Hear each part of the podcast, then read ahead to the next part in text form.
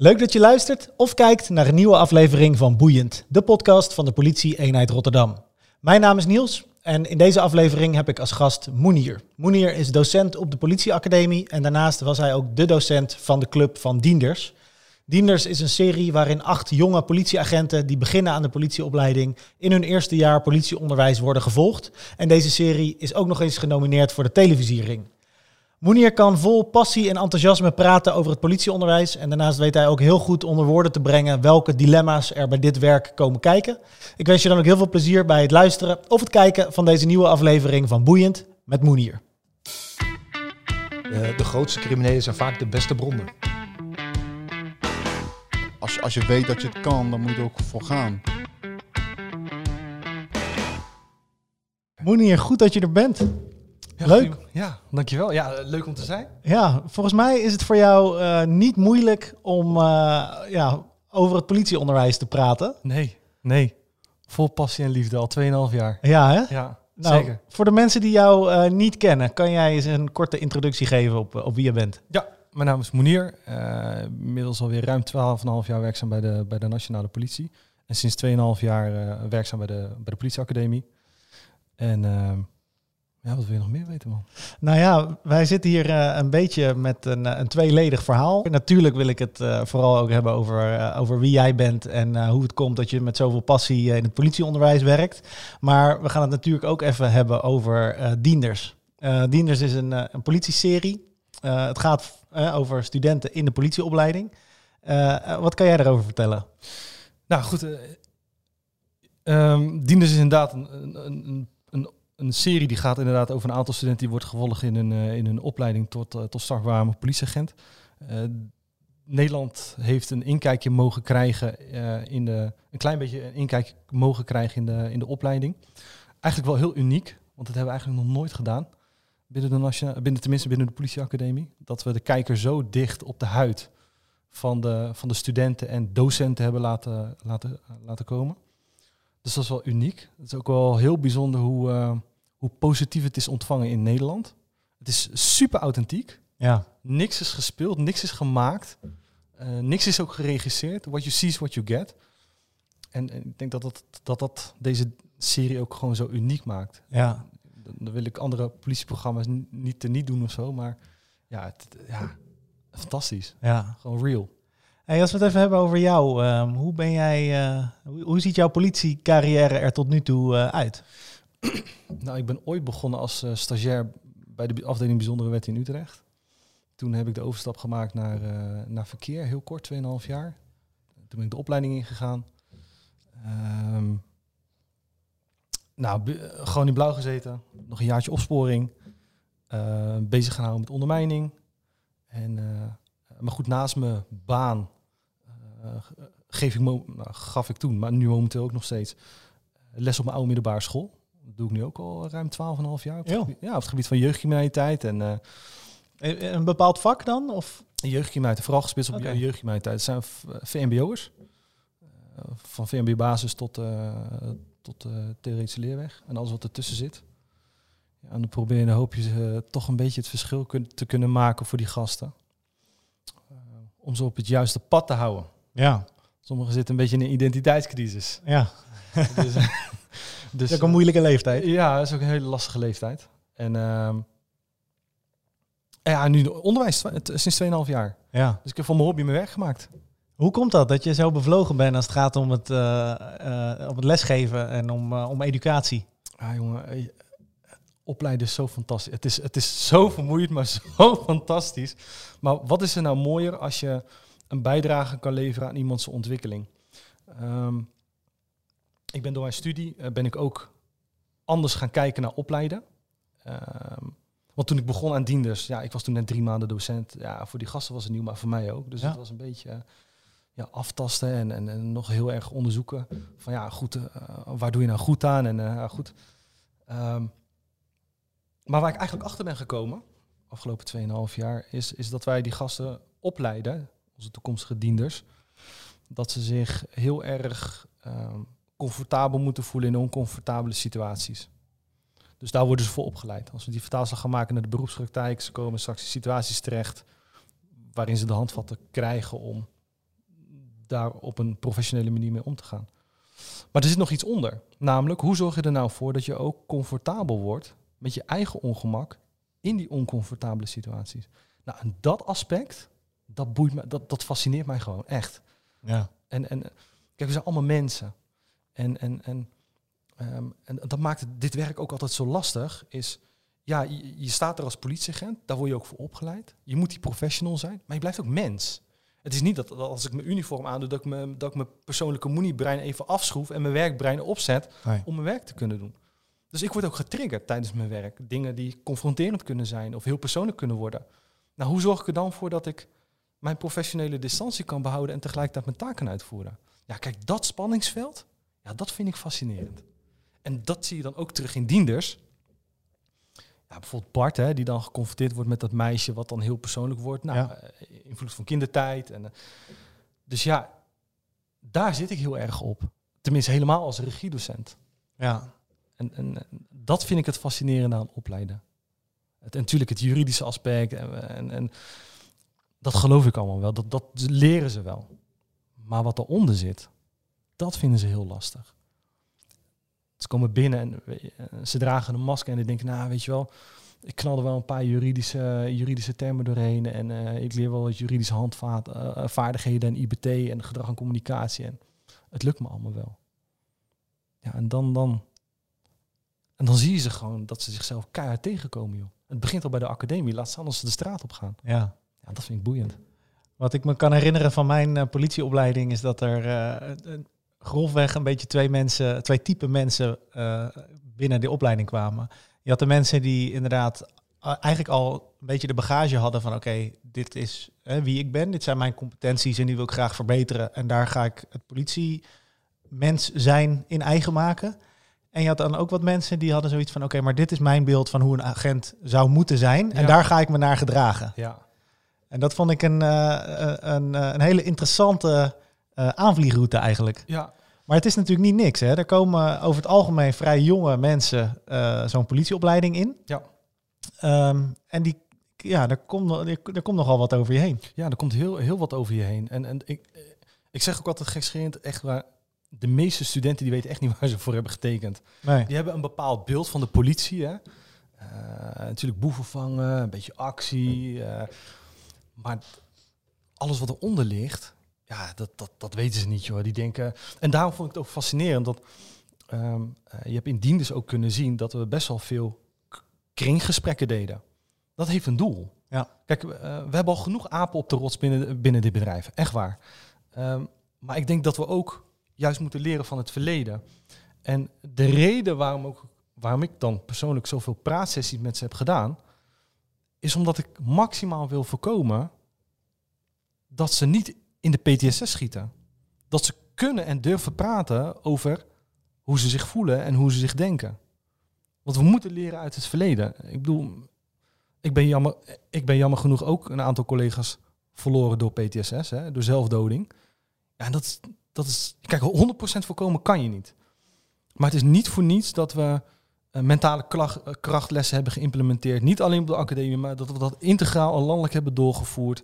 Dat we allerlei maatregelen hebben genomen, juist om collega's te behoeden dat ze zo ver komen. En als jij met, en dan kom je in een opleiding, en als je dan op een zaken zit uit het verleden. eh, ik zal je een heel praktisch voorbeeld geven. Een, een die, ehm, die een oefening moet doen en die krijgt een blinddoek op en vervolgens begint ze in één keer te huilen. En die geeft dan, ja, moet je eh, stop even, want het gaat niet. Want ja, ik moet wel vertellen. En aan publiek zegt ze, ja, toen ik eh, op jonge leeftijd eh, zat ik op de fiets naar huis en toen ben ik de bosjes ingesleurd en toen ben ik verkracht. Dus die meid die kreeg op dat moment even een flashback naar toen. Ja. Verschrikkelijk. Ja. Dat gun je niemand. Maar ja, dan zeggen wij weer, ja, je komt straks in de, in de beroepspraktijk. Hoe zorg je er dan voor dat je die professionele distantie kan behouden? Dat je toch de voldoende afstand kan bewaren, dat je je taak kan uitvoeren. Het is onwijs lastig. Maar als we daar niet aan de academie achter komen of in de beroepspraktijk, dan, dan hebben ze een probleem. Ja. En dat is met alles zo. Ik bedoel, je hebt zelf ook incidenten meegemaakt. En, en eh, weet je, ik, heb nog wel eens een tijd meegemaakt van dat collega's voorbij zich schieten. En dan denk ik, ja, weet weet je, het, het stoere cowboy macho gedrag. Dan denk ik, ja, maar er schuilt alleen maar, er schuilt heel veel onzekerheid achter en heel veel pijn af en toe. Ja. En dat moet je niet willen, man. Nee. nee, dat moet je niet willen voor jezelf als mens. Nee. eh, maar ook voor het politievak niet. En al helemaal niet natuurlijk naar de mensen waar we het werk voor doen. eh, Naar de burgers toe. Ja. En, en daarom vind ik het ook zo fascinerend. En mijn studenten zeiden altijd, ja, maar die gaan we weer een dokter veel gesprek houden. Ik zeg, ja, we gaan weer een dokter veel gesprekken. Ja, maar er is niks. Ik zeg, als er niks is, dan zijn we ook heel snel klaar. Nou, je hebt het gezien. Zes afleveringen. Dus er is qua blijkbaar genoeg Ja. Wat er, wat, er, wat, er, eh, wat er zich afspeelt met die studenten. Ja. Nou, wat ik wel heel mooi vind, eh, wat we de laatste jaren waar ook heel erg op in is gezet, is dat eh, de opvatting vroeger, en dat, ik zeg het een beetje generaliserend, Mhm. maar het was zo dat hè, feedback geven, praten over emoties, is slap en zwak en Ja. hoort niet bij de sterke politieman of Ja. vrouw. En tegenwoordig wordt het wel steeds meer gezien dat praten over hoe je in je kop zit Ja. En praten over hoe we dingen hebben gedaan en waar we naartoe kunnen, is eigenlijk steeds meer gewoon professioneel Ja. en stoer. Ja, En je ziet dat eh, vanaf, een, eh, vanaf een arrestatieteam die heel erg inzetten op debriefings en briefings en op eh, hè, de neus in dezelfde richting krijgen en zorgen ervoor dat, dat we elkaar allemaal begrijpen. Dat dat, dat is juist een, een vorm van professionaliteit. ja, En daarin eh, vind ik het heel mooi dat je ook dat zo'n transitie ziet in het politieonderwijs. ja. Wij zijn- worden betere dienders door met elkaar over dit soort dingen te praten. ja. En het is dan niet dat we in een theekransje eh, een beetje moeten gaan zitten huilen in de hoek. Nee. Het is juist, eh, we willen dat mooie werk op een betere manier willen doen. En, dat zorgt er, en da- daar is het voor nodig om te kunnen brieven en debrieven en door te praten en reflecteren op je eigen handelen. Maar weet je, het, het, zal voor mij ook niet normaal zijn, Niels, als... Dan kijk even naar mezelf. Ik kan me nog heel goed herinneren dat ik nog student was. En, en een van mijn eerste pd's was, was, een, was een jongen van 13 die had zich verhangen aan een boom. Ja, als ik dat zie, dan zie ik een, een 13-jarige knul. Dan denk ik, joh jongen, hoe ver heeft het zo kunnen komen? Hè? Die is dan over, uiteindelijk overleven, zelfmoord, zelfmoord gepleegd naar aanleiding van pesten. Maar als dat mij niet zou raken, Niels, dan gaat er iets niet goed. Nee. Dan, gaat er iets niet, dan zou er iets niet goed gaan met mij. Ja, ik heb daar wel een traan op kunnen laten, ja. Ik Ja. heb daar ook al eh, drie slechte nachten van geslapen. En dan is het ook weer klaar. Maar goed, als het mij helemaal niks zou doen. Daarom geloof ik, als een collega tegen mij zegt... Ja, na een heftig incident of eh, dat er op je is geschoten... of je hebt iets heftigs mee... Ja, nee, ja, nee, doet me niet zo gaan over tot de orde van de dag. Dan denk ik, nou, dat klopt niet. Nee. Dat kan niet. Nee. nee, dat zijn ook eigenlijk signalen. Ja, Ja. Ja. Hey, als we eventjes eh, het hebben over het politieonderwijs in Ja. het hier en het nu. Kan Ja. jij mij en de mensen die luisteren, en hopelijk zijn het er veel, ehm, even meenemen in hoe, hoe ziet zo'n politieopleiding eruit? Ehm, nou, die is opgedeeld in, eh in eh, tertielen. Nog, nog wel, hè, tertielen. We gaan Ja. binnenkort na- over naar het nieuwe onderwijs in tertielen. Dus waarbij ze zeg maar vier maanden aan de academie zijn. En hetgeen wat ze vier maanden aan de academie hebben geleerd en geoefend. ehm, dan gaan ze de praktijk in om dan vervolgens vier maanden die vertaalslag te maken. En dat laveert dan drie jaar lang ehm, zo. Dus eh, ze worden in de praktijk ook begeleid. Hebben een trekbegeleider en een, praktijkcoach. Ehm, ehm, die, die ze dan in de, beroepspraktijk eh, eh, ja, de knipjes van het vak gaat leren. Nou, dat, eh, dat eh, vier maanden op, vier maanden af. En eh, het is opgedeeld in, eh, in drie jaren. En ieder jaar, ja, ze beginnen natuurlijk heel basis, hè, opnemen van een aangifte, een klantverzoekje, verkeers, eh, eh, verkeerscontroletje, eh, publiek domein, dus basisbevoegdheden. Nou, en dat, dat bouwt zich dan op. Hè. Het wordt steeds complexer en steeds groter en steeds moeilijker. En, nou goed, en dan en, ehm, nou, uiteindelijk, na drie jaar lang, zijn ze klaar en dan zijn ze startbekwaam. Startbekwaam. En wat betekent dat? Startbekwaam? Dat je, ehm, ja, hoe ga ik dat? Ze hebben de basis meegekregen die ze nog verder moeten doorontwikkelen. Dus eh, echt de basisbasis. Dus ze hebben voldoende meegekregen om, om eh, het politievak te ku- kunnen uitoefenen, maar ze zijn, zijn erin nog absoluut niet professioneel. Dus dat moeten ze echt nog wel. eh, dat kost tijd, maar goed, dat is een kwestie van jaren. Ik denk dat dat een kwestie van een carrière is. Ja, En ik hoop ook dat, mijn, eh, dat veel van onze collega's die mening delen. Dat je Ja. eigenlijk nooit eh, uitgeleerd bent. Nee, en dat eh, die- dat die ontwikkeling zich altijd door moet en mag zetten. ja. Wat vind jij het, het mooiste? En dat zijn volgens mij heel veel dingen. Maar wat vind jij nou het, het allermooiste van, van docent zijn? natuurlijk mensen ontwikkelen, het verschil kunnen maken, mensen tot andere inzichten brengen. En ik zit bij mijn docenten altijd heel vaak, weet je, goed of fout, eh, Het zal maar een worst wezen, het gaat mij niet om. Maar ik vind het wel belangrijk hoe, hoe beredeneer je? Hoe onderbouw je je argumenten? Kan je ook, met name ook als we die vertaalslag weer gaan maken naar de beroepspraktijk, kan je ook een zaak vanuit meerdere perspectieven bekijken. In plaats van dat je alleen maar staccato vast blijft houden aan je, je eigen kokertje. Hè? Dus, s- zo denk ik erover, zo is het en zo zal het ook zijn. Nee, nee, nee, nee. Ehm, dus, en, dus als ik daarin voor ze het verschil kan maken, dan, dan hebben we al heel wat uh, winst gehaald. Vooral, eh, en wat ik vooral, mijn drijfveer is vooral die persoonlijke ontwikkeling. Oh, kijk, ik, ik, ik studeer ervoor en wat is dan mooi als, als ik vanuit mijn eigen studie ook een toegevoegde waarde kan zijn voor die gasten. Daarin, op dat aspect, vooral mentale aspect, het verschil voor ze kan, kan, kan maken. Ja. Ik kan me nog een, uh, een, een, stukje uit Dienders herinneren. En dan heb je het over, uh, over discriminatie. Je geeft erbij een, een voorbeeld hè, van iemand die de deur open doet. En die zegt van uh, Nederlanders mogen erin, Marokkanen niet. Ja.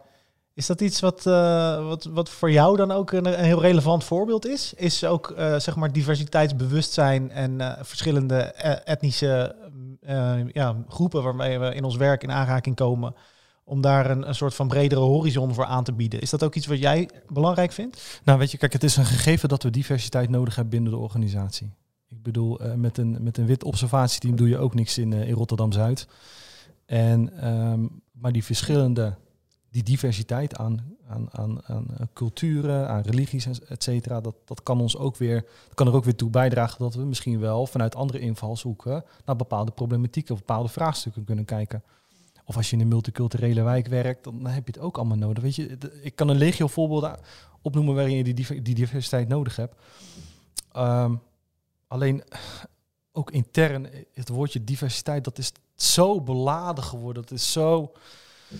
Um, ik zal je een voorbeeld geven dat collega's denken van ja, als ik een migratieachtergrond heb, dan, dan hoef ik testen niet te doen of uh, dan, dan wandel ik wel zo door het hele. Nee, die eisen zijn voor iedereen hetzelfde.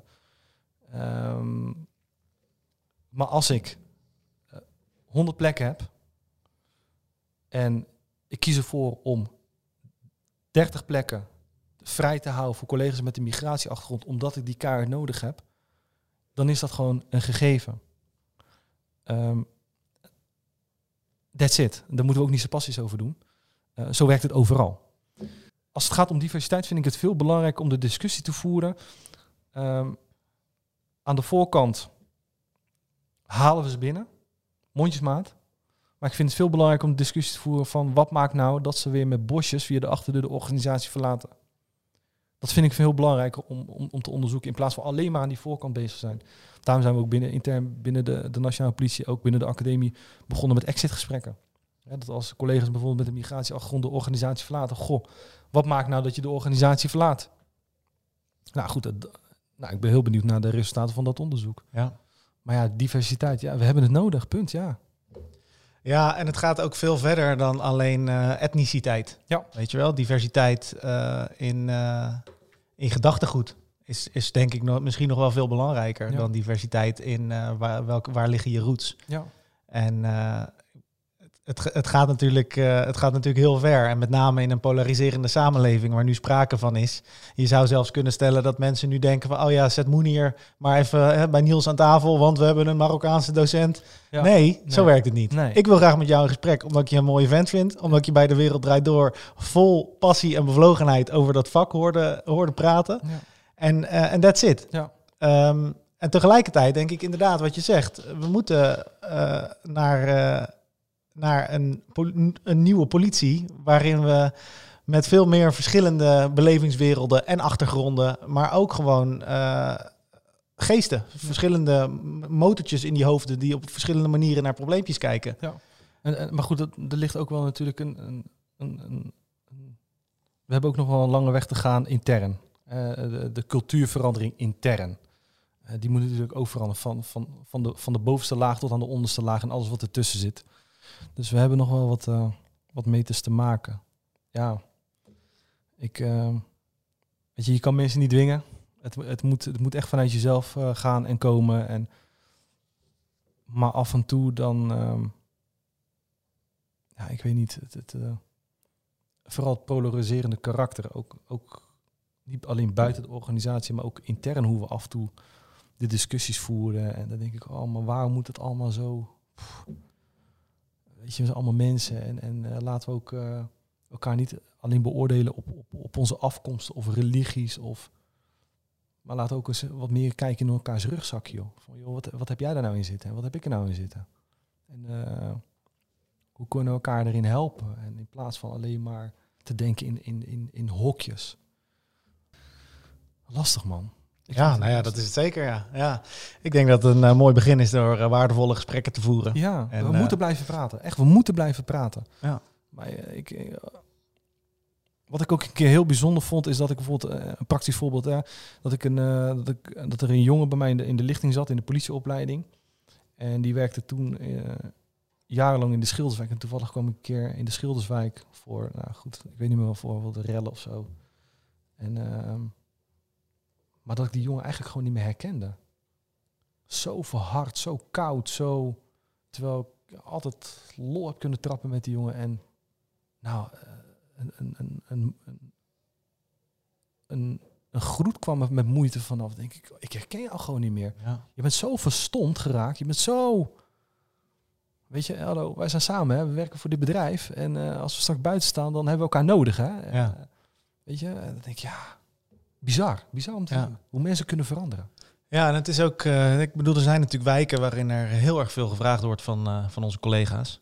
En eh, nou ja, het zou een argument kunnen zijn om te zeggen dat het niet heel gezond is om te lang in dezelfde wijk met dezelfde problematiek geconfronteerd te worden. Nee, Zoals een, een teamlid van een arrestatieteam of iemand die bij team criminele inlichtingen werkt, niet langer dan een bepaalde periode het werk daar mag doen, Ja. gezien de geestelijke belasting. ja. Zo is het misschien eh, in de noodhulp ook wel, wel eh, het, eh, of, het, het beoordelen waard. Ja, ja je, je verstomt. Je verstomt als je iedere keer, iedere dag, dag in, dag uit te maken hebt met, wel, met een bepaalde specifieke doelgroep. Ja, of met een bepaald specifiek type criminaliteit. Ook dat je daarin, dat, dat als dat jouw wereld wordt, nou dan heb je wel een hele donkere wereld.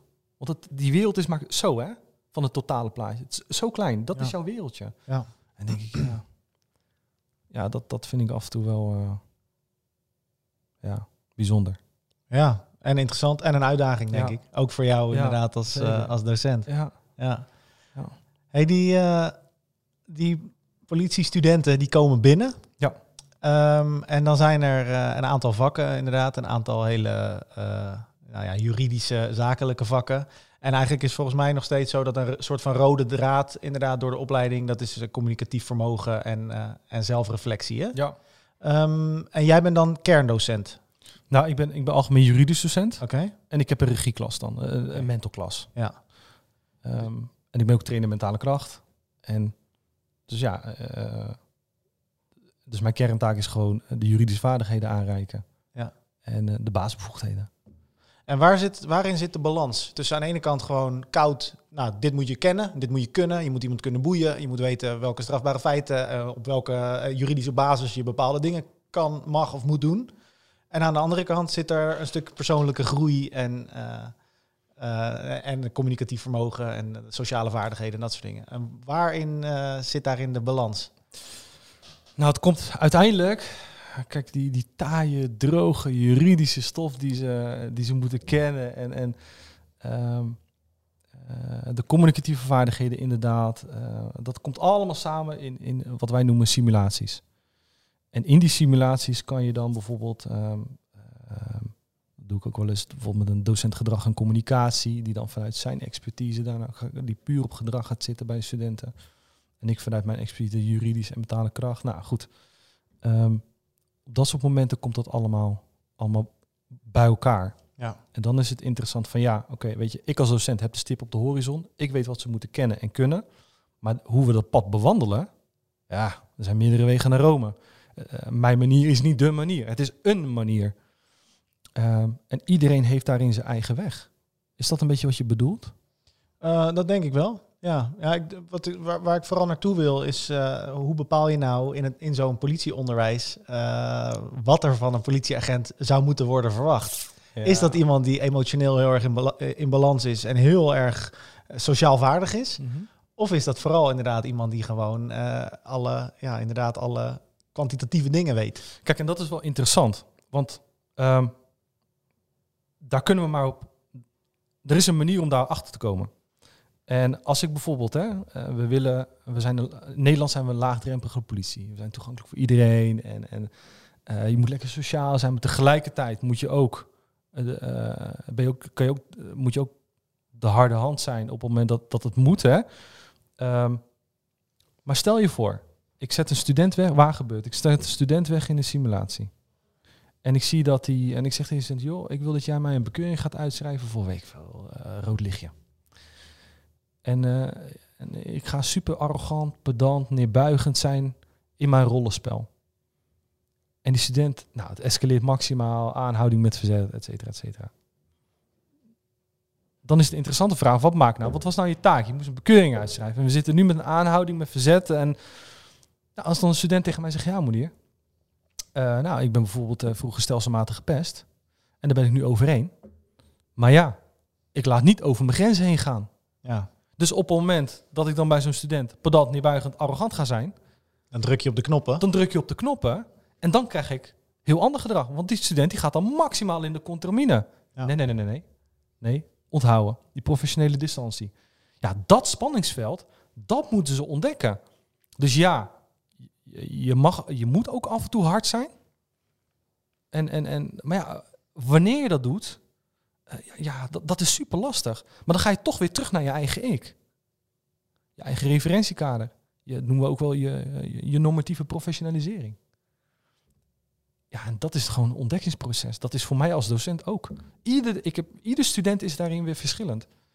En dat is wel, ehm, in die zin is het hard werken. Want je moet bij iedereen ehm, gaan onderzoeken van ja, oké, wat voor karaktertype heb ik hier nou tegenover me? Ehm, ehm, wat zijn nou eigenlijk jouw drijfveren om hier te zitten? Vind ik ook belangrijk. Eerste vraag die ik ze stel. Vind ik belangrijk om te weten van ja, wat is nou jouw drijfveer? Ja. En dan komen ze natuurlijk met allerlei antwoorden van ja, ik wil eh, een steentje bijdragen aan een veilige samenleving. Ja, word beveiliger. Ja. Ja, nee, nee, maar ik wil ook mensen helpen. Ja, je wordt IC-verpleegkundige. Waarom zit jij hier nou? ja. Daar zit natuurlijk een verhaal achter. Dat zei ik ook wel. dat heb ik wel eens gekscherend met mijn, met mijn politiematen hebben we het erover van. Dat we dan inderdaad bij onze sollicitatie zeiden dat we mensen willen helpen en de Ja. maatschappij willen dienen. Ja, Maar dat we eigenlijk gewoon heel hard willen rijden en deuren open willen ja, trappen. ja, ja. Dat is natuurlijk allebei niet waar. Hè? Laten we er heel ja, duidelijk ja, ja, over ja. zijn. Maar dat is inderdaad wat je zegt. Ja. Dat, eh, ja, zeker. En iedereen heeft een verhaal. Iedereen heeft een verhaal. Iedereen heeft een drijfveer. Ja, Mijn drijfveer is rechtvaardigheid geweest. Eh, maar goed, het kwam weer vanaf mijn moeder, eh, moeder eh, kant af. Want ja, ik heb vroeger hier echt heel veel te, te maken gehad met racisme en discriminatie. Moeder die is bespuugd. eh, ehm, eh, klap heeft gehad van rechtsextremisten. Terwijl ze gewoon onderweg was naar de werk. Gewoon uit, uit, uit het niets, hè. zo. Dus als je dat van dichtbij... Nou goed, er zijn wel meerdere dingen geweest. En ook naar mijn, va- mijn vader die een aantal dingen is overkomen. Dus dat rechtvaardigheid, denk ik, ja, maar dit, ik wil niet dat mensen dit overkomen. Ja. Dat is mijn drijfveer geweest. Om als politieagent eh, eh, daarin het verschil te kunnen maken. Eh, handhaven van de rechtsorde. en het moet veilig zijn voor iedereen. Ja. Ik ben, daar, ik ben daar voor die burger. Dat is mijn drijfveer. Ik wil niet dat jou dat, jou dat ook overkomt. Het is helemaal geen klap wie je bent of waar je vandaan komt. Nee. Ja, dat is mijn verhaal. Ja. Ja, zo hebben we allemaal een verhaal. Ja. Ja, en, en dan, ja, in de, in de academie, ja, dan, dan moet je een balans in gaan vinden van ja. En dat is heel lastig. Zijn er nou bepaalde ehm, ja, karaktereigenschappen of bepaald type mensen waar jij heel veel moeite mee hebt Ja. binnen? nee, maar ik bedoel, hè, zoals je als politieagent kwetsbaar bent eh, of politiestudent kwetsbaar bent, zo ben je dat natuurlijk ook als docent. Ja. En ik kan me voorstellen dat iemand die bijvoorbeeld eh, wat onzeker is en daar wat in geactiveerd moet worden, dat dat veel makkelijker kan zijn om, dat om dat te coachen Ja. Dan iemand die bijvoorbeeld, eh, nou inderdaad wat je zegt, een heel klein wereldje heeft of heel erg star is in zijn of haar belevingswereld. Wat, wat is een eigenschap waar jij dan moeite mee hebt, waarvan je me- merkt ook aan jezelf van oei, dit vind ik wel lastig. Eh, studenten die niet openstaan voor ontwikkeling. Ik zal je een voorbeeld geven. Ehm, ik draaide een keer een les met een IBT-docent. En ehm, deze student die had echt gedragsproblemen. Sorry dat ik je onderbreek. Kan je heel even vertellen wat een IBT-docent is? Voor de mensen die dat niet Oh, dat is een weten. docent die, die eh, de studenten eh, de, ehm, eh, de schietvaardigheden aanleert. Ze moeten natuurlijk leren boeien. al die basiselementen, Ja. dat, dat leert een IBT-docent. Ehm, en alle procedures, et cetera. Maar ik was met die collega was ik dus een, een les aan het draaien. En, die, en het viel ons ook op gewoon. Dat hij echt wel bepaalde gedragsdingetjes had. Dus daar gaan we een feedback op. Ja, dat, eh, ja maar, ja maar, ja maar. Beste jongen, weet je, eh, eh, ik doe het voor jou. En ik, ga je ook niet overtuigen, hè. Dat is, dat is totaal niet mijn positie. Ik, vind dat ook, ik vind dat, ook, dat dat ook niet voor mij is weg. Ik ga jou niet overtuigen. Ik probeer tot nieuwe inzichten te brengen. En ik probeer je ook te laten zien van, goh, wat er nou kan gebeuren op het moment dat je er niks mee wil gaan doen. Wat voor consequenties dat eventueel kan hebben voor, voor als je straks buiten op straat komt werken. Nou, studenten die dan heel st- standvastig blijven van ja, nee, dat is niet, ja, maar, ja, maar. Hè. Dus het valse machtprincipe, het ligt altijd aan de ander behalve aan mezelf. Hè. De, ja, dat, dat, eh, ja, dat, dat heb ik, heb ik vroeger altijd wel lastig, nu niet meer. En dan vind ik het juist een uitdaging om toch te kijken van, goh, hoe kan ik dan, dan zo'n student dan bereiken? En puntje bepaaltjes ze komen altijd weer terug. Ja? Ja, ja, ja, omdat En- ze juist merken dat, want ze komen natuurlijk ook tegen in de beroepspraktijk. Nou, en in de beroepspraktijk zijn ze gewoon keihard. Joh, luister, eh, dit willen we niet. En dat moet anders. En, eh en denk ze, oh ja, wacht even, volgens mij heb ik al zoiets eh, een keer te horen gekregen. En dan, nu wordt het ook in de beroepspraktijk bevestigd. En dan is een interessante vraag ehm, om te onderzoeken. Eh, waar, daar ben ik natuurlijk ook achter gekomen tijdens de dienstperiode in mijn klas. Sommige studenten die binnenkomen, die laten bepaald gedrag zien wat wij niet wenselijk vinden binnen de organisatie. Nou, de- die, die, eh, die, eh, die moet je erin gaan coachen en begeleiden.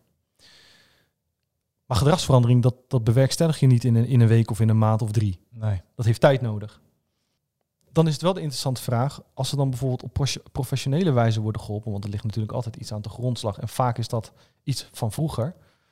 Eh, dus in plaats van dat je ze de label gaat geven op een gegeven moment van onopleidbaar, heb ik ook gemerkt dat als ik ze naar een psycholoog doorstuur, dat ik daar qua blijkbaar dus hele andere studenten voor terugkrijg. Dus, zijn het, dus zeg het dan maar, hè? zijn het dan jongens en meiden die onopleidbaar zijn? Of zijn het jongens en meiden die al jarenlang tegen een bepaalde muur aanlopen en niet weten hoe ze eroverheen moeten klimmen? Ja. Ja, en dat, vind, dat, is, in, dat is interessant om, om, om, om te onderzoeken. Maar goed, eh, dat vergt natuurlijk van de docent natuurlijk ook heel veel. ja, absoluut. Eh, heel veel tijd en gesprekken. En, en, en, nou goed. Maar goed, terwijl ik echt zie, bijvoorbeeld deze jongen, het voorbeeld dat ik net aangaf, zit echt potentie in. Duizend procent, volle overtuiging, 100% goede diender. Ja. Alleen de aantal aspecten, denk ik, jongen, dit gaat niet goed. Nee. Als je straks op straat ook zo tegen die... Dat gaat niet goed. Ja, en dan vind ik dat we als organisatie ook een verantwoordelijkheid hebben om dan eh, niet alleen die studenten eh, zichzelf in bescherming, dat we die studenten in bescherming moeten nemen, maar vooral die burger ook op straat. Want we Ja. hebben er allemaal last van. Ja, absoluut. Ja. Interessant, eh, interessant vraagstuk inderdaad. Is Ja. iemand in beginsel wel of niet geschikt? Ja, of heeft iemand gewoon extra hulp of een, of een andere manier van coaching nodig? Ja. Want dat kan natuurlijk ook. Hè? Als ik jou zo spreek en, en ja, als we zo met elkaar interactie hebben, dan ben jij een eh, hele sociale, communicatief vaardige vent.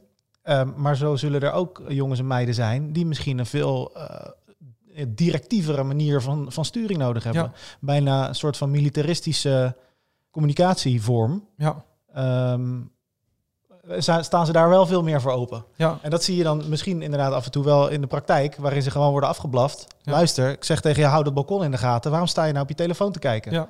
Dit is de laatste keer dat dit gebeurt. ja. En dan hebben ze misschien wel zoiets van, oh, wacht even, we staan nu wel, het is nu voor het echi. Ja. Misschien moet ik maar even gaan luisteren Ja. naar wat me gezegd wordt. Kan. En dat is ook een stukje balans wat je, wat je die studenten ook moet geven. We hechten heel veel waarde aan autonomie. Eh, maar als je ze weer te vrij laat, ja, dan gaat het ook niet goed. Dus daarin moet je ook weer een balans vinden. Want je kan ze niet... Toen ik be- begin docent was, denk ik... Oh nee, ik, ik- maximale bescherming, hè? Want je wil natuurlijk niet dat ze dezelfde fouten maken... die, jij, die ik in het verleden heb gemaakt. Hè? eh, Maar toen dacht ik, bij me, dacht ik bij mezelf... Nee, ze moeten af en toe ook bepaalde fouten maken om ervan te leren. Het enige wat ik moet, waarvoor waar ik moet waken is dat ze... ehm, dat het niet fouten zijn die, die, eh, waardoor ze in de problemen kunnen komen. Hè? Vanuit onwetendheid, hè? meer echt vanuit onwetendheid. Ja, en dat, dat ja. Dus ja, loslaten. Soms moet je ook gewoon loslaten. En, eh, en, en, en, en zie het maar gebeuren. En dan hebben we weer eh, fascinerende gesprekken daarna. Ja, mooi hè? Ja, dat is, dat is echt leuk. Ja. Dat is echt leuk. En dan eh, komt dus die periode dat ze dan voor het eerst de praktijk ingaan. Ja. En dan komen ze weer terug. Ja, En dan zijn ze voor het eerst echt politieagent geweest. Even. ja heel even. Heel even. Hoe is dat? Ja, ze, ze komen vol energie, komen ze terug met natuurlijk allemaal stoere verhalen. Oh, is het een, eh, een bekeuring die, eh, die met verzet is geweest. Maar, eh, maar ik merk wel bij de meeste studenten dat ze op een gegeven moment na vier maanden ook wel zoiets hebben van laat maar maar weer terug naar de academie. Jawel? Ja, weet je waarom? Omdat ze op een gegeven moment hetgeen wat ze hebben uitgeleerd, dat hebben ze natuurlijk acht maanden gedaan. Ja. Op een gegeven moment hebben ze zoiets van ja, dit snap ik allemaal wel en Ik wil weer naar een volgende ik stap. wil weer naar een volgende fase, dus Ja. kom maar door. Dus ehm, ja, en als ze dan weer eh, vier maanden op de academie eh, zitten, dan hebben ze weer zoiets, ja oké, eh, prima, laat mij maar weer de praktijk ingaan. Dus ik, ik denk dat we daar wel een hele mooie balans in, in, in, in hebben. Ja. Dus ja, maar goed, ja, de meeste mensen die vinden school natuurlijk helemaal niks en weer die schoolbanken in. En, ja, goed. Maar goed, dat hoort erbij. Nou, ik, heb, ik heb zelf destijds de vierjarige hoofdagentenopleiding gedaan. En ik vond het op een gegeven moment wel inderdaad heel lang duren. En dat waren dan, dat was elke keer drie maanden op, drie maanden af. Ja. En ehm, waar, waar het bij mij vooral in zat, is van, is de, de periode op school, is die nog wel echt relevant voor de politiepraktijk? Ja. Als die aansluiting er is, is Ja. het op zich helemaal prima. En Ja. volgens mij is het ook nu zo dat er nog steeds, dat er steeds meer rollenspelen, eh rollen, eh, rollenspelen worden gedaan. Ja. Veel meer echte praktijksimulaties. Ja. En bij mij werd het op een gegeven moment eh, werd het een beetje te abstract. Dat ik zoiets had van ja, ik heb nu wel wat ervaring. Hè. Ik loop twee jaar of drie jaar eh, mee in de politiepraktijk. En ik kom op school en daar zie ik eigenlijk een belevingswereld. En, Ja. en ik krijg stof die Ja. niet echt relevant is voor wat ik nou op, als diender zou moeten kennen en kunnen. Heel herkenbaar, want ik, ik, we hebben dezelfde opleiding gedaan. Eh, alleen nu zie je ook wel dat, die, dat, de, dat de aansluiting met de academie en, en de eenheid, ja, dat, dat is zo naar elkaar toegegroeid. En we, je, we, moeten, het, we moeten het ook samen doen. Ja. Weet je? We, we, en je ziet ook eh, het team, tenminste team Rotterdam, politieacademie Rotterdam. ehm, eigenlijk binnen alle politieacademies zie je wel echt wel vernieuwing. Veel meer jonge collega's. ehm, die ook nog af en toe met een poot in de monden staan. Want ik draai ook af en toe gewoon nog even een dienstje in de eenheid. is belangrijk. Ja. Dat je ook gewoon wel eens met je studenten op de, op de bus gaat. Dat je ook nog een beetje weet van... hé, hey, maar wat speelt er nou nog eh, op straat hè, in, de- in, de, in de eenheid? Ja, dat, dat- ik merk ook dat die, eh, dat die studenten dat ook veel chiller vinden. Eh, niet oneerbiedig bedoeld, maar het, maakt, het kan echt wel verschil uitmaken... of je nou eh, een, een collega van 30 of een collega van 67 die al zo ver van de praktijk staan. Die zoiets joh, ik ben mijn dagen aan het aftellen en, en ik vind het wel prima zo. Neemt niet weg dat die collega's natuurlijk een ongelofelijke kennis hebben. Ja. Die, die echt bij sommige collega's denken, wauw, ongekend. Zo En stapels met mooie verhalen. Ja, stapels. Ja. Dus weet je, waardevol, super waardevol. Ja. Nou, ik denk dat het belangrijk is dat daar een balans in, in zit. Ja.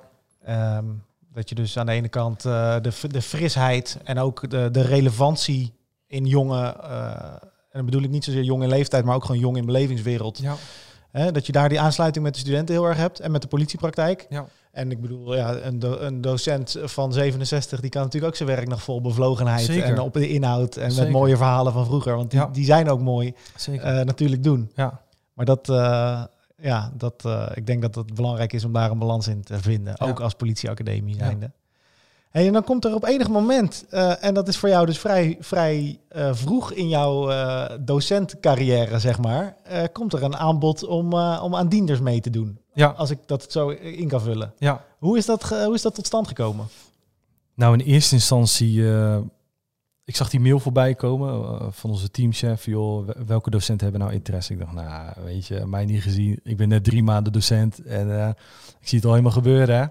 Al die eh, fouten en heel politie Nederland kijkt mee en heel die, al die... Ik denk, nou, dat, eh, daar ga ik niet aan beginnen. En toen zei mijn teamchef van, ja, Monier, hij zegt, eh, dat, eh, dat lijkt me wel wat voor jou.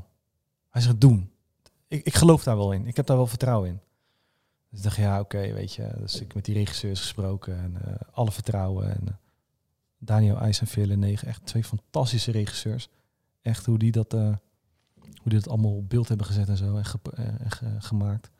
Maar ehm dacht, weet je, ehm, die studenten die, kwets, die stellen zich kwetsbaar op. hey, Ja, maar practice what you preach. Precies. Ja. Dus eh, ga maar staan. Ja. En, eh, ja, weet je. En, ja, wat je daar ziet is gewoon de... de, de ja, Moenier, Moenier. Ja, gewoon nog heel blanco, heel kaal, heel... En kijk, inhoudelijk kom je er wel uit. Hè. Ik bedoel... maar het hele docentschap, ja, dat was voor mij helemaal nieuw, joh. Dus ik dacht, ja, goed. We gaan het gewoon doen. We zien het wel. Ja. En eh, wees real, wees authentiek en wees gewoon lekker jezelf. En blijf vooral dicht bij jezelf staan. En, eh, en we hebben het gewoon gedaan. Ja, het, is, het mag duidelijk zijn dat, eh, ondanks dat het natuurlijk van de zijlijn is waarop wij dienders hebben mogen, mogen bekijken, het is natuurlijk een klein stukje van, Ja. van jullie, van alle dagen waarin jij docent bent. Maar het is wel duidelijk dat het een, een vakgebied is wat jou op het lijf geschreven is. Ja, ik hou van het docentschap, man. En dan wordt er een, eh, hè, dan komen er van die momenten waarop je bijvoorbeeld tussen eh Björn en, eh en Haroon, en, Ja. en waar, dat, daar ontstaat een spanningsveld. Ja. En daar ga jij ja, tussen of boven of voor staan. In ieder geval, jij, jij, jij bespreekt dat met hun. Ja.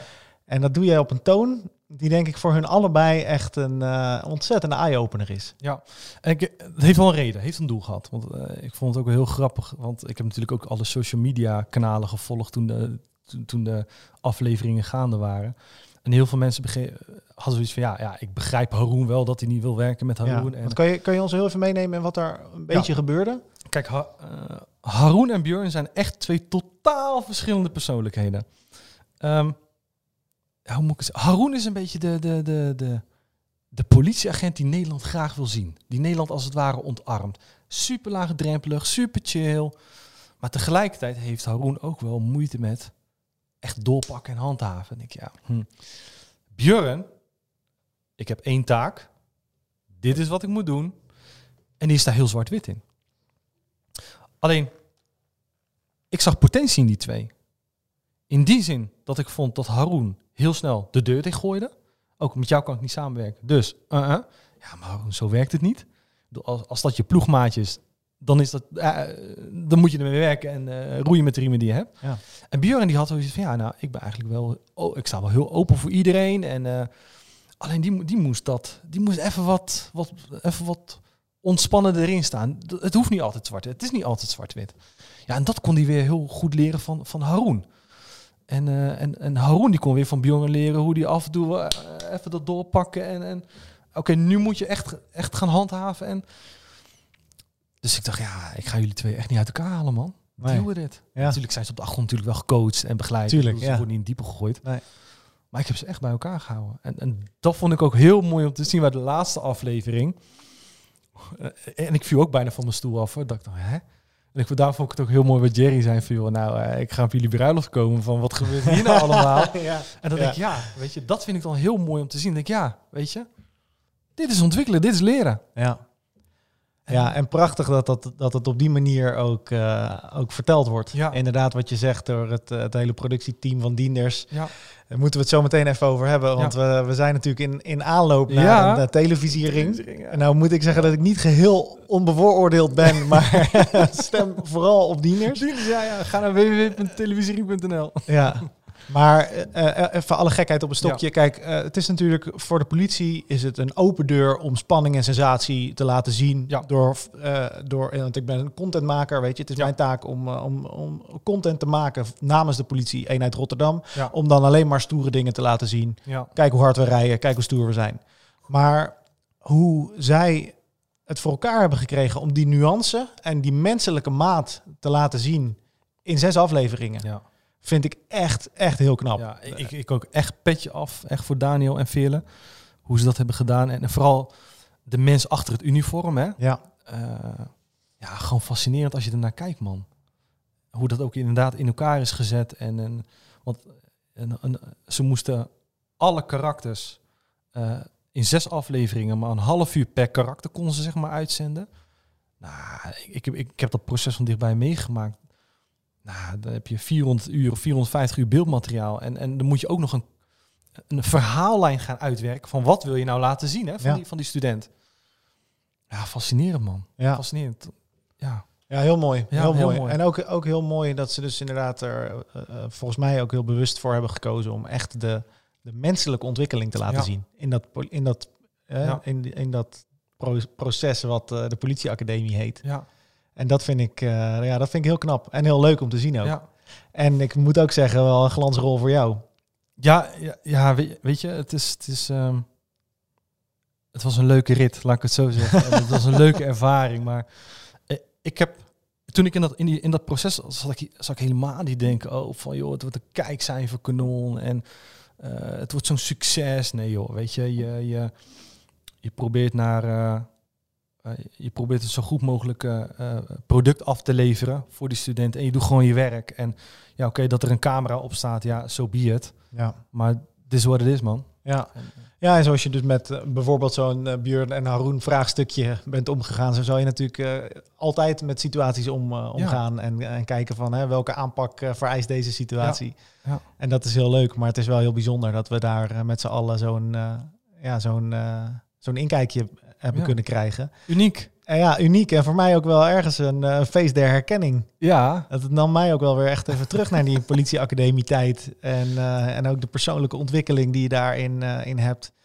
Het is heel bijzonder om een opleiding te doen die je zoveel van jezelf nou ja, leert, leert inzien en leert Ja. kennen. ja en, en ik vind het ook, ik vind het ook, ook super dapper van die, van, de, van die studenten dat ze zich zo kwetsbaar hebben durven op te stellen. Want ga er maar aan staan hoor. Heel Nederland hè, eh, vindt er wat van. Ja, En heel de nationale politie vindt er wat van. Ja, ik vind het knap. Ik vind het echt knap. Alle lof, echt alle lof naar mijn studenten. Petje af. Mooi man. Ik heb, ja. We hebben een bijrol gehad. Niet ja, meer nee, ja, tuurlijk. Ja, nee, dat En is ook eh, erg zo. Ja. Maar het is natuurlijk heel leuk en ook mooi om te zien. Ook, ook dat, natuurlijk, uiteindelijk zaten jullie bij de Wereldrijd door. Ja. En kan je vol enthousiasme vertellen over het hele proces. Ja. En, eh, en over het, eh, het hele project eh, Dienders. Ja. En dat is natuurlijk leuk. Ja. Weet je, dat, dat spreekt mensen gewoon ontzettend aan. ja. Als we, eh, ik wil je nog even één gewetensvraag stellen. Oh, ja. Ehm, waarin zou het politieonderwijs nou eh, in jouw beleving, en dan begrijp ik dat je niet namens de academie spreekt, maar gewoon namens Monier. Maar waarin kunnen we nou winst behalen? Wat, wat zou er nou beter kunnen? meer inzet op het persoonlijke vlak. Dus niet alleen het product moeten afleveren, dus het, eh, het, het produceren van een startbekwame politieagent. Maar wat ik net al zei, hè, vooral wat eronder zit, de persoon zelf.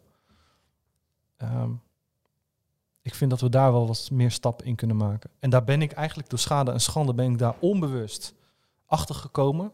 Hoe je als regiedocent voor je studenten wel het verschil kan maken op het moment dat je daarop inzet.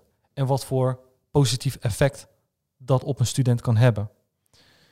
Ehm, want ik durf te wedden, als ik een vaste psycholoog aan de academie zou hebben, die gaat het niet redden in zijn eentje. Zo druk gaat hij het krijgen. En op dat, dat aspect, dat gebied, denk ik dat we daar wel wat meer winst in kunnen behalen. En dat zeg ik niet alleen als monier, maar dat zeg ik ook als professional. Ja. Goeie zaak. Ja, dus we hebben nog wat meters te maken. Ja, hè?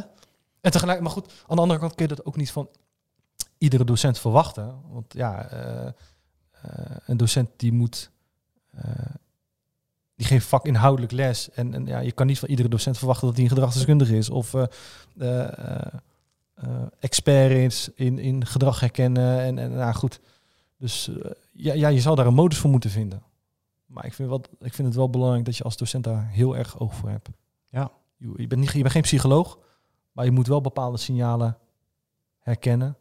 En zonder dan weer vanuit je eigen kader te gaan refereren. Hè, want het is allemaal subjectief, nee. Ja, je moet niet allemaal eh Moeniers willen creëren. Nee, of nee. allemaal Nielsies om je Nee. heen willen hebben. nee. Het, is juist, eh, het is juist ook zaak om eh, mensen hun, op een eigen manier te kunnen laten ontwikkelen. ja. Maar dat, ja, daar ben ik het wel helemaal mee eens. Ja. En tegelijkertijd denk ik ook, het is ook de verantwoordelijkheid voor de politiestudent zelf. Ja. Kijk, er worden je heel veel dingen worden er aangeboden. Mhm. Zowel op het gebied van je eigen, hè, je eigen mentale kracht en je eigen psychologische ontwikkeling. Maar ook gewoon op de harde tools. Op het moment dat jij je juridisch kader niet goed op orde hebt, dan kan je daar altijd hè, extra les in krijgen. We hebben tegenwoordig steeds meer ook, uh, ook kennistesten en toetsen. Ook, ook gewoon als executieve collega moet je je profchecks doen elk jaar. Ja. Uh, dat wordt ook allemaal steeds belangrijker. Maar zoals jij tools aan je riem hebt hangen, waar je vaardig mee om moet gaan, zo krijg je natuurlijk al die vaardigheden, de, zeg maar de zachtere vaardigheden, ja, die moet je ook zelf ja. onderhouden en, uh, en, en beter maken. Ja, absoluut. Absoluut. Ja. Dus uh, ja, we hebben nog wel stappen te maken, man. Ja. Maar goed, um, tegelijkertijd uh, is Dienders in de running voor de televisiering. Ja, gaaf toch? Ik wil, ja, dat is heel gaaf en mooi. Je ja. had het nou ooit gedacht dat we bij de laatste 25 zouden zitten? Nou ja, ja, nee, ja, inderdaad. echt totaal niet gewoon, hè? Echt gewoon als, alles behalve. Ja, maar ik wist wel meteen dat het een, bijzonder, een bijzondere serie was. Ja. En juist wat ik zeg, hè, dat je dus... Uh, het, het, het ontstijgt de ja. spanning en sensatie. En uh, het gaat op de, op de menselijke ontwikkeling. En ik denk dat daar ook wel... Uh, dat dat ook wel heel veel mensen aanspreekt. Ja, en dat zagen we ook wel, ook wel terug in de kijkcijfers. Wel echt wel gemiddeld ruim, ruim 500.000 kijkers per week. Ja. Nou, als je dan ook nog alle, alle, overige aantallen gaat optellen. Ik zag laatst de statistieken even van mijn televisiering. Dat al bijna 700.000. Ongelooflijk. Voor een NPO is dat gigantisch. Ja. Ja, mooi man. Echt mooi. Ja, heel mooi. En, en ook de mooie de, de erkenning en waardering uh, van, uh, van, van de burger, maar ook van de collega's. Ja. En dat is natuurlijk ook heel mooi. Ja. In een tijd waarin denk ik uh, nuance ook heel erg gewenst is. Ja, zeker. Ja. zeker. Waar kunnen de mensen stemmen? www.televisiering.nl. Op Dienders. Op Dienders, uiteraard. Zeker. Mooi. mag ik jou uh, bedanken voor, deze, voor deze podcast. Ik vond het, e- ik vond het echt leuk. Ik vond het gezellig. Ook voor, uh, voor wie jij bent uh, als mens. Ik denk dat het echt, echt heel waardevol is dat er gasten zoals jij rondlopen. Die gewoon met de beste wil van de wereld, nou ja, anderen een stapje verder willen helpen. Ja, dankjewel. Man. Dus respect daarvoor, dat meen ik serieus. Dankjewel. Dankjewel. Doe ons best. Bedankt voor het luisteren of het kijken van deze aflevering van Boeiend met als gast Moenier over zijn werk als docent op de politieacademie. Ik hoop dat jij het, net zoals ik, een erg interessant gesprek hebt gevonden. Over twee weken, in de volgende podcast, ga ik in gesprek met Lindy van Team Parate Eenheid. En dan duiken we weer in een heel ander onderdeel van deze politie-eenheid. Hou er rekening mee dat er ook een landelijke politiepodcast is die zeker het beluisteren waard is. Je kan ons vinden op Apple Podcast of op Spotify en je kan ook abonneren op ons YouTube kanaal. Deze podcast verschijnt één keer in de twee weken, dus ik zie je heel graag over twee weken terug in de volgende aflevering van Boeiend. De podcast van de politie eenheid Rotterdam.